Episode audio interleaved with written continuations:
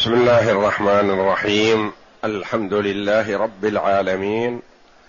والصلاة والسلام على نبينا محمد وعلى آله وصحبه أجمعين. وبعد. بسم الله. فذكر إن نفعت الذكرى. أعوذ بالله من الشيطان الرجيم.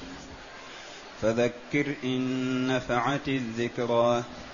سيذكر من يخشى ويتجنبها الأشقى الذي يصلى النار الكبرى. ثم لا يموت فيها ولا يحيا. هذه الآيات الكريمة من سورة الأعلى. يقول الله جل وعلا لعبده ورسوله نبينا محمد صلى الله عليه وسلم فذكر إن نفعت الذكرى.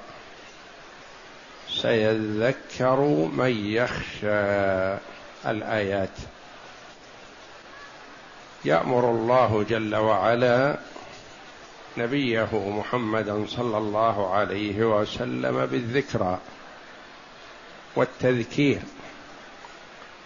التذكير بآيات الله جل وعلا والتذكير بنعم الله والتذكير بما أعده الله جل وعلا لمن أطاعه في الجنة.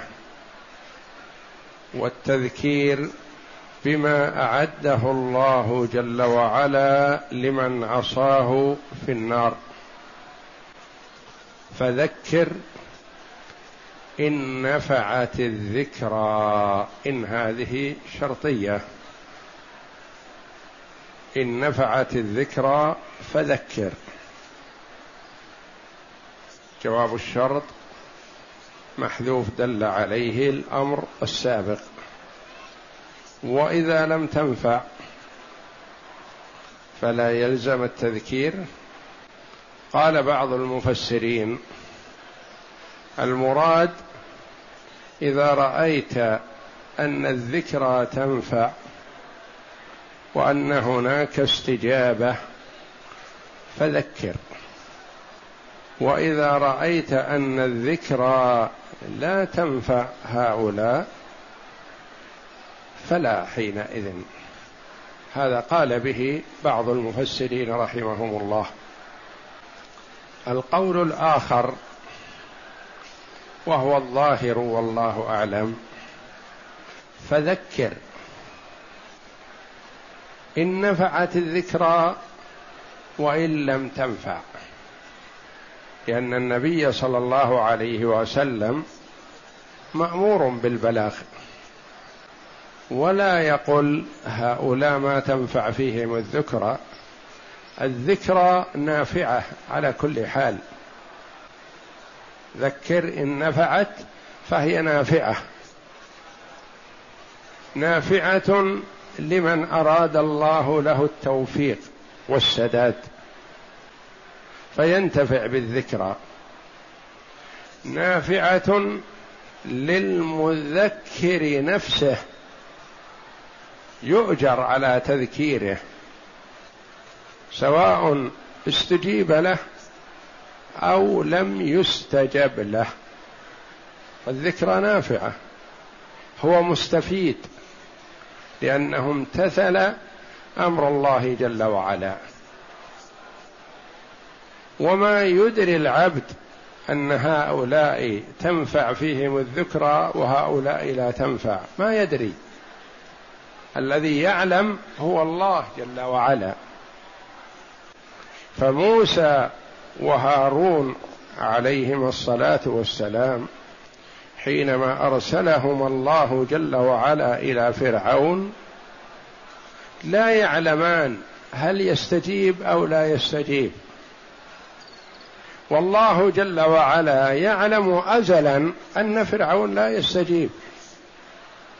يعلم ذلك قبل أن يخلق الخلق جل وعلا.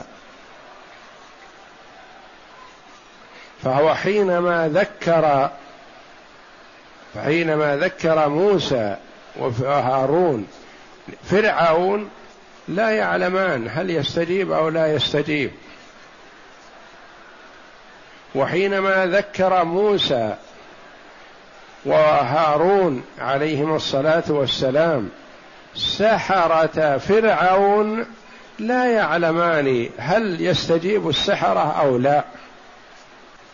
فالعلم باستجابة المذكر عند الله جل وعلا لا يعلمها إلا هو لأنه هو الذي يعلم الشيء قبل وجوده. وإنما المراد والله أعلم. فذكر على كل حال لأنه مأمور بالبلاغ. وحذف الأمر الآخر ذكر إن نفعت الذكرى أو لم تنفع. هذا كثير. يحذف الشيء الثاني ويكتفى بذكر الأهم الذي هو النفع. ذكر إن نفعت الذكرى أو لم تنفع. عليك التذكير. ذكر إن نفعت أو لم تنفع. وكثيرا في القرآن يأتي هذا الشرط والمراد هو ومقابله. قال المفسرون كقوله تعالى سرابيل تقيكم الحر وسرابيل تقيكم بأسكم. قالوا تقيكم الحر وتقيكم البرد. وفي قوله تعالى واشكروا لله إن كنتم إياه تعبدون. فهم مأمورون بالشكر عبدوا الله أو لم يعبدوه. وفي قوله تعالى ولا جناح عليكم أن تقصروا من الصلاة إن خفتم أن يفتنكم الذين كفروا. إن خفتم أو لم تخافوا فالقصر للمسافر. فهل إذا أمن المسافر ما يقصر الصلاة؟ لا يقصر أمن أو لم يأمن. وفي قوله تعالى فلا جناح عليهما أن يتراجعا. إن ظنا أن يقيما حدود الله. إذا شك في استقامة حالهما هل يمنع من المراجعة؟ لا. يراجع ولو طلق بعد يوم أو يومين من حقه الرجعة. سواء ظن الاستمرار وإقامة حدود الله أو لم يظن ذلك. له حق الرجعة. وهكذا هنا والله أعلم. فذكر إن نفعت الذكرى أو لم تنفع. ذكر على كل حال. لأنه عليه الصلاة والسلام مأمور بتذكير كل من كفر بالله وأعرض عن طاعة الله سواء توقع الإجابة أو لم يتوقع. فهو عليه الصلاة والسلام دعا كفار قريش كلهم منهم من استجاب ومنهم من لم يستجب. ويؤخذ من هذه الآية الأمر بالتذكير. كما هو مأمور به في في آيات أخر في قوله تعالى ادع إلى سبيل ربك بالحكمة والموعظة الحسنة وجادلهم بالتي هي أحسن. والأمر للنبي صلى الله عليه وسلم ولمن يتأتى منه هذا من الأمة؟ وينبغي للمؤمن أن يجعل نفسه من أهلها بحسب استطاعته. لا يغفل عن التذكير. يذكر أهله ولده جيرانه زملاءه رفقاءه في العمل. يذكر من حوله ولا يبخل على نفسه لأنه هو المستفيد. هو مستفيد أولا وقد يستفيد غيره. فإن استفاد هو وغيره فالحمد لله فهذا أفضل ما يكون. وإن لم يستجب الغير فالمذكر مستفيد. الداعي أدى هذه الوظيفة. قام بما أمر به. واقتدى بالنبي صلى الله عليه وسلم في الدعوة إلى الله. كما قال الله تعالى قل هذه سبيلي أدعو إلى الله على بصيرة أنا ومن اتبعني. فمن اتبع النبي صلى الله عليه وسلم واقتدى به فهو مأمور بالدعوة إلى الله.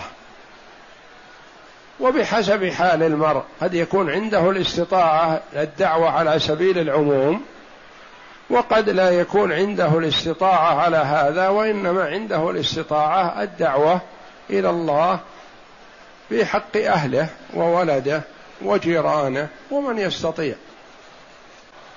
ولا يبخل على نفسه بثواب الله فالله يثيب الداعي إلى الهدى وإلى الحق.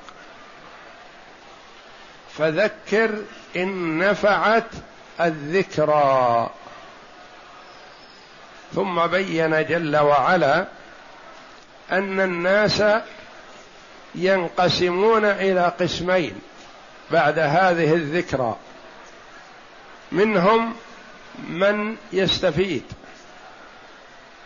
ويتذكر ويخشى الله جل وعلا ويعمل بطاعة الله وهذا السعيد. ومنهم والعياذ بالله من لا يستفيد ولا ينتفع. فذكر إن نفعت الذكرى سيذكر من يخشى سيتعظ ويتذكر ويستعد للقاء الله ويعمل بطاعة الله. لأن العبد قد يكون في غفلة في سهو في لهو في إعراض عن طاعة الله. فإذا ذكر تذكر واستفاد واستجاب وأعجبه ما يسمع وأخذ به. سيذكر من يخشى سيتذكر وينتفع من علم الله جل وعلا أنه يخشاه يعني يخاف الله. لأن الذي يخاف الله يستعد للقاء الله. فمن آمن بلقاء الله جل وعلا خافه. من عرف الله خافه. كلما كان العبد بالله أعرف فهو منه أخوف. فأشد الناس خوفا من الله جل وعلا الأنبياء صلوات الله وسلامه عليهم أجمعين. ثم الملائكة كما قال الله جل وعلا عنهم يخافون ربهم من فوقهم ويفعلون ما يؤمرون. ثم الأمثل فالأمثل من عباد الله. سيذكر من يخشى سيتعظ ويستفيد. ولا تقل هذا يعرف ولا يحتاج إلى ذكرى وتذكير. ولا تقل هذا شقي لن يستفيد من التذكير وما يدريك من يتوقع مثلا أن سحرة فرعون كانوا في أول النهار يقولون بعزة فرعون إنا لنحن الغالبون ويطلبون من فرعون الأجر والقربى منه. لكفرهم وضلالهم. وفي وبعد قليل لحظات قالوا اصنع ما أنت صانع افعل ما أنت شاء آمنا برب موسى وهارون. وقالوا واقض ما أنت قاض إنما تقضي هذه الحياة الدنيا إنا آمنا بربنا ليغفر لنا خطايانا وما أكرهتنا عليه من السحر.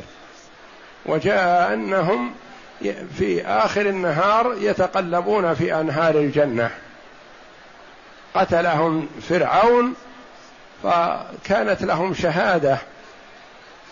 فهم أحياء عند ربهم يرزقون. آمنوا بالله. فما يسوغ للمرء أن يقول إن هذا لن يتذكر. سيذكر من يخشى فأنت أيها الداعي إلى الله تدعو وتسأل الله جل وعلا التوفيق والإعانة وتسأل الله جل وعلا أن يوفق من سمع دعوتك للاستجابة والقبول ليكون لك مثل أجره من غير أن ينقص من أجره شيء. فالداعي إلى هدى له مثل أجور من تبعه من غير أن ينقص من أجورهم شيء. ولهذا كان النبي صلى الله عليه وسلم ليس في حاجة إلى أن نحج عنه أو نقرأ القرآن ونهدي ثوابه إليه أو نصلي عنه أو نزكي عن النبي صلى الله عليه وسلم أو نعمل العمل الصالح ونهدي ثوابه إليه لأنه ما من مسلم يعمل عملا صالحا لوجه الله إلا وللنبي صلى الله عليه وسلم مثله لأنه هو الذي دعا دعانا إلى الهدى. وإنما نفعل نحوه ما أمرنا به. من الإكثار من الصلاة والسلام عليه صلوات الله وسلامه عليه. ومن اتباعه والأخذ بسنته والدعوة إلى هديه عليه الصلاة والسلام. فمن دعا إلى هدى فله مثل أجور من اتبعه من غير أن ينقص من أجورهم شيء. رأيت أخا لك يتخلف عن صلاة الجماعة فأخذت بيده سرا ودعوته إلى الله برفق ولين وذكرته وخوفته بالله. وبما توعد به النبي صلى الله عليه وسلم المتخلف عن صلاة الجماعة لأنه توعدهم بأن يحرقهم بالنار. فاهتدى ووفقه الله واستجاب لك لك مثل أجره في صلاة الجماعة ما دام حيا من غير أن ينقص من أجره شيء. وهكذا ينبغي للمسلم ألا يحقر نفسه في الدعوة إلى الله مع الصغير والكبير والذكر والأنثى والغني والفقير والعالم والجاهل لا يحقر نفسه. فهو على خير. إن استجيب له فالحمد لله وتلك نعمة عظيمة وإن لم يستجب له فقد قام بوظيفة الدعوة إلى الله التي هي وظيفة الرسل. سيذكر من يخشى ويتجنبها. يتجنب الذكرى يجعلها جانب يبعد عنها. ويتجنبها الأشقى الذي يصلى النار الكبرى. يتجنبها الأشقى لأن الناس في الشقاوة يتفاوتون. منهم من يكون عنده شيء من الشقاوة ومنهم من يكون عنده أكثر ومنهم من يكون عنده أكثر ومنهم من يكون أشقى خلق الله. فقال جل وعلا ويتجنبها يبعد عنها الأشقى الأكثر شقاوة. هذا الشقي المتمكن في الشقاوة والعياذ بالله توعده الله جل وعلا بقوله الذي يصلى النار الكبرى. النار الكبرى. فيه نار كبرى ونار صغرى. النار الكبرى هي النار المتوعد بها الكفار. والنار التي الصغرى هي نار الدنيا. وقد جاء في الحديث الصحيح أن النار الكبرى نار الآخرة فضلت وهي أشد من نار الدنيا بسبعين ضعفا. يعني حرارة نار الدنيا مهما بلغت في الحرارة فنار الآخرة أكثر منها بسبعين ضعفا. نسأل الله السلامة والعافية منها. الذي يصل النار الكبرى وأن النار الكبرى نار الآخرة متفاوتة كذلك. كما قال الله جل وعلا أدخلوا آل فرعون أشد العذاب. دل على أن العذاب فيه تفاوت في الدار الآخرة. ولما سئل النبي صلى الله عليه وسلم هل نفع عمه أبا طالب الذي مات على الكفر وعلى الشرك وقد كان يذود النبي يذود عنه ويحميه ويدافع عنه لكنه ما آمن بدعوته. قال عليه الصلاة والسلام نعم له شراكان من نار يغلي منهما دماغه. هو أخف أهل النار من الكفار عذابا. ولا شك أن عذاب الكفار يقل ويقل ويكثر بحسب كفرهم وضلالهم. فالكافر الذي كفره على نفسه هذا أخف من الكافر المتسلط على عباد الله المسلمين. والفاسق من المسلمين إذا عذبه الله جل وعلا بالنار فسيكون عذابه أخف من عذاب الكافر. فالناس متفاوتون في العذاب في النار وفيها دركات وفيها أسفل إن المنافقين في الدرك الأسفل من النار. فدل على أن فيه أسفل وفيه أعلى. الذي يصل النار الكبرى ثم لا يموت فيها ولا يحيا. لا يموت ولا يحيا. كيف يكون هذا؟ في حال ثانية ثالثة لأنه من المعلوم أن ذوي الأرواح أن ذوي الأرواح لا يخلو حي أو ميت. والله جل وعلا قال في هذه الآية الكريمة ثم لا يموت ولا يحي فيها ولا يحيا. يعني كأن فيها حالة ثالثة لا. لا شك أنه ليس فيها حال ثالثة. حياة أو موت. لكنه لا يموت فيستريح كما جاء تفسير ذلك. لا يموت فيستريح ولا يحيا فيسعد بحياته.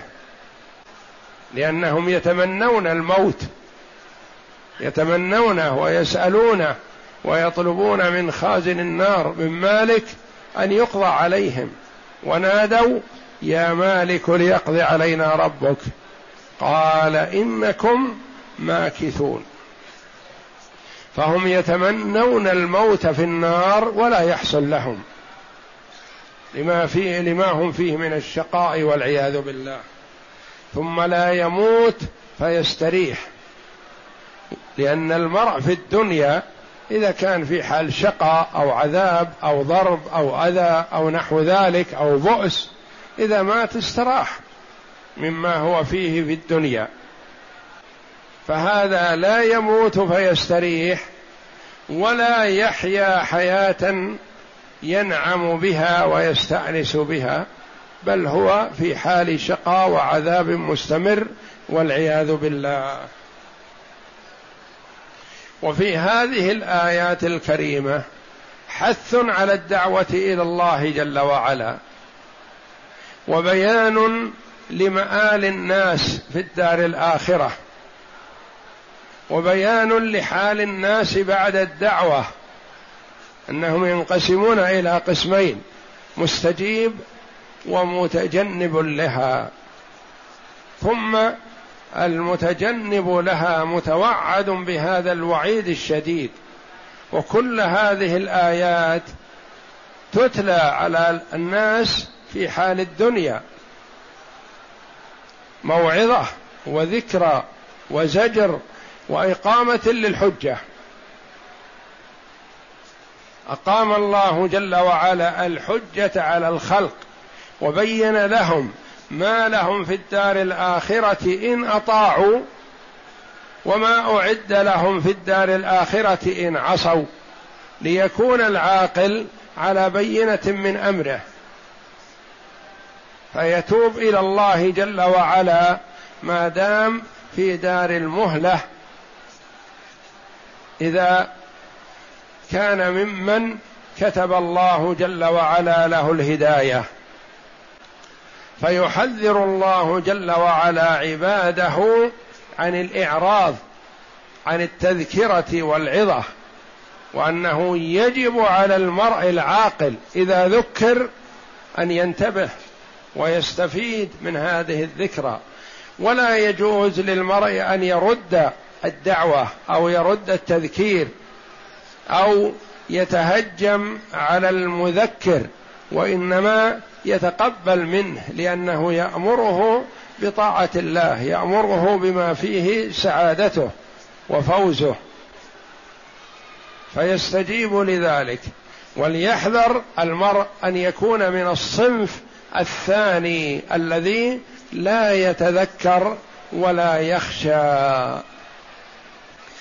وقوله تعالى فذكر إن نفعت الذكرى أي ذكر حيث تنفع التذكرة.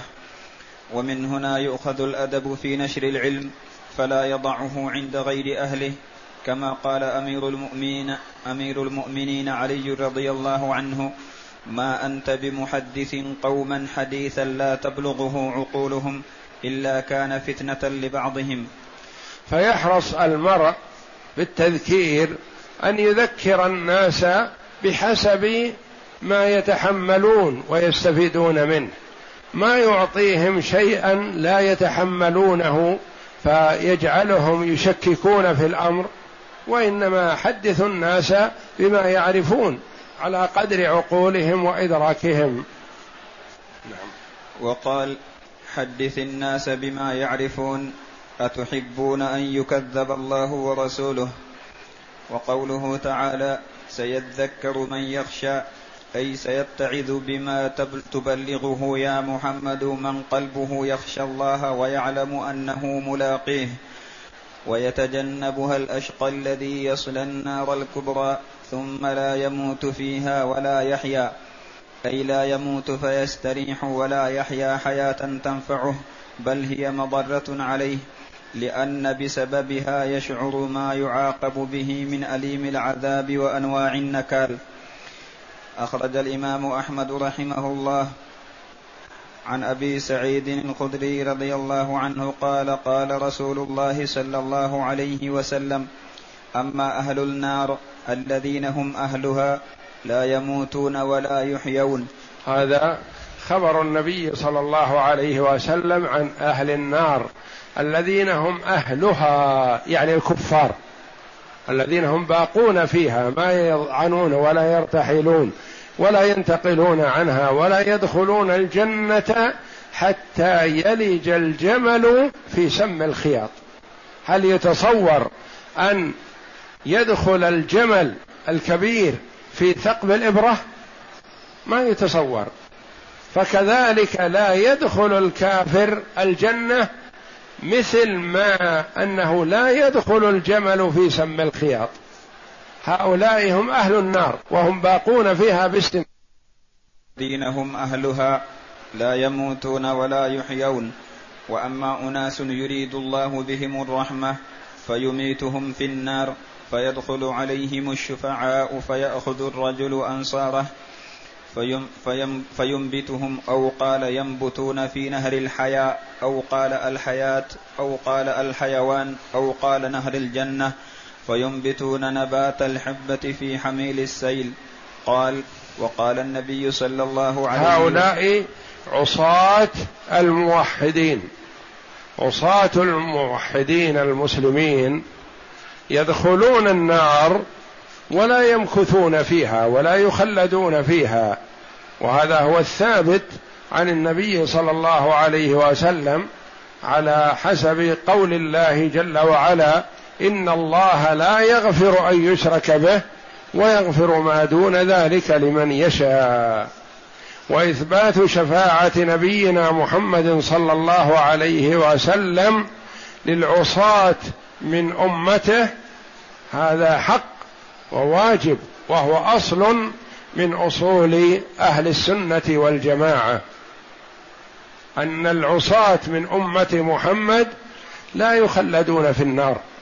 وإنما إن دخلوها دخلوها تعذيبا وتطهيرا لهم على ما اقترفوه من الجرائم. ثم يخرجون منها يخرجون منها ضبائر. الضبائر الجماعات. جماعات جماعات. يخرجون يعني دل على أنهم متفاوتين. ما يخرجون دفعة واحدة. فيهم من يمكث في النار مثلا أشهر ومنهم من يمكث في النار سنين ومنهم من يمكث في النار آلاف السنين ومآله إلى الخروج. يخرج من النار يخرجون جماعات والض... كما جاء في الحديث ضبائر يعني جماعات متوالية متتابعة. مثلا إذا دخل خمسة إذا خرج خمسة ثم خرج ستة ثم خرج ثمانية ثم خرج أربعة هؤلاء يقال لهم ضبائر ويخرجون بمثابة كالأموات أحرقتهم النار. فينشرون على نهر الحياة أو نهر الجنة فينبتون كما تنبت الحبة في حميل السيل. أسرع ما تنبت ينبت النبات الحبة في حميل السيل لأن الحبة في حميل السيل حميل السيل الغثاء الذي يكون فوق السيل والرغوة مثلا. إذا صار في حبة في اليوم مثلا وجدتها غدا نابتة ثم بسرعة تكبر بخلاف النبات العادي الذي يكون في زراعة يكون يتأخر نباته. فالنبات في حميل السيل أسرع من غيره وهؤلاء إذا نشروا على نهر الجنة أو نهر الحياة أو نهر الحياة نبتوا بسرعة كالحبة في حميل السيل لأن اولا الطعم طعم الأرض فيها قوي ثانيا خفه ما فوقها. بخلاف ليس فوقها طين ثقيل تحتاج إلى مدافعة. فوقها شيء خفيف وفيه طعم للنبات فينبت بسرعة. ليكون على جنبتي الوادي أو جنبتي السيل آه، عليه الغثاء هذا ينبت بسرعة. والضبر والضبائر الجماعات.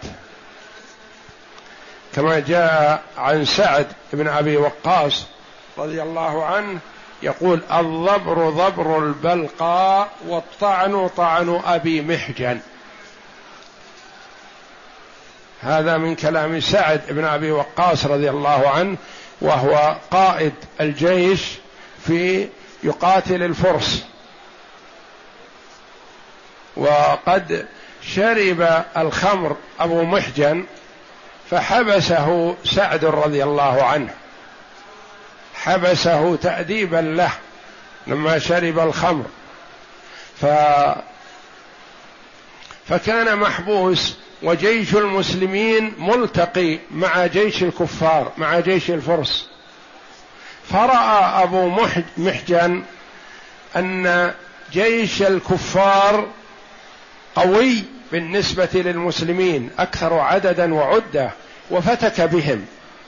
فتألم رضي الله عنه رحمه الله لما في نفسه من محبة انتصار المسلمين وهو في القيد. مقيد ما يستطيع أن ينطلق. وتألم من هذا فطلب من امرأة سعد. طلب من امرأة سعد قال أطلقيني ولله علي أن أعود إليك إن حييت وإن استشهدت فالحمد لله. أطلقيني. يرى الهزيمة والقتال في المسلمين. فأطلقته لما استوثقت منه من أنه سيعود إليها إن حي فأخذ البلقى التي هي بغلة وفرس فرس لسعد رضي الله عنه. فركبه وذهب في الكفار ودخل فيهم وما كل ما توجه إلى جماعة فرقهم وقتل منهم العدد الكبير. فتعجب القائد سعد رضي الله عنه من هذا الفارس الذي فتك بالكفار وأعجبه. فقال الضبر ضبر البلقى يعني قفز. البلقى لأنها تجمع يديها ورجليها وتقفز. والبلقى فرسه. والطعن طعن أبي محجن. وأبو محجن معروف أنه مقيد في السجن. والبلقى موقوفة. ما جاء دورها موقوفة في بيت سعد. وهذا الفارس يقول الضبر القفز قفز البلقى. والطعن طعن أبي محجن. فتعجب فلما عاد إلى منزله وجد أبا محجن في قيده لأنه فتك في الكفار ورجع إلى امرأة سعد حسب ما اتفق وإياها على أن يعود وتضع القيد فيه. فرجع فوجد أبو محجن فيه القيد. فأخبر بما حصل فعفى عنه رضي الله عنه لما فعله نحو الكفار واطلق سراحه. وكان يقول رضي الله عنه الطعن الضبر ضبر البلقاء. يعني القفز والهجوم. ويقال الخيل تضبر يعني تقفز قفز كأن تجمع يديها ورجليها في القفز بسرعة. والطعن طعن أبي محجن. نعم. وروى الإمام أحمد رحمه الله رحمه الله أيضا عن أبي سعيد عن النبي صلى الله عليه وسلم قال إن أهل النار الذين لا يريد الله إخراجهم لا يموتون فيها ولا يحيون. لا يموتون موتا يستريحون فيه ولا يحيون حياة مستقرة يأنسون بها. نعم. وإن أهل النار الذين يريد الله إخراجهم يميتهم فيها إماتة حتى يصيروا فحما. يصيروا مثل الفحم هؤلاء عصاة الموحدين. نعم. ثم يخرجون ضبائر. ضبائر يعني مثل ما تقدم جماعات جماعات متفاوتون. نعم. فيلقون على أهن... على أنهار الجنة فيرش عليهم من أهر... من أنهار الجنة. فينبتون كما تنبت الحبة في حميل السيل. وقد قال الله تعالى إخبارا عن أهل النار ونادوا يا مالك ليقض علينا ربك قال إنكم ماكثون وقال تعالى لا يقضى عليهم فيموتوا ولا يخفف عنهم من عذابها إلى غير ذلك من الآيات في هذا المعنى. والله أعلم وصلى الله وسلم وبارك على عبده ورسول نبينا محمد وعلى آله وصحبه أجمعين.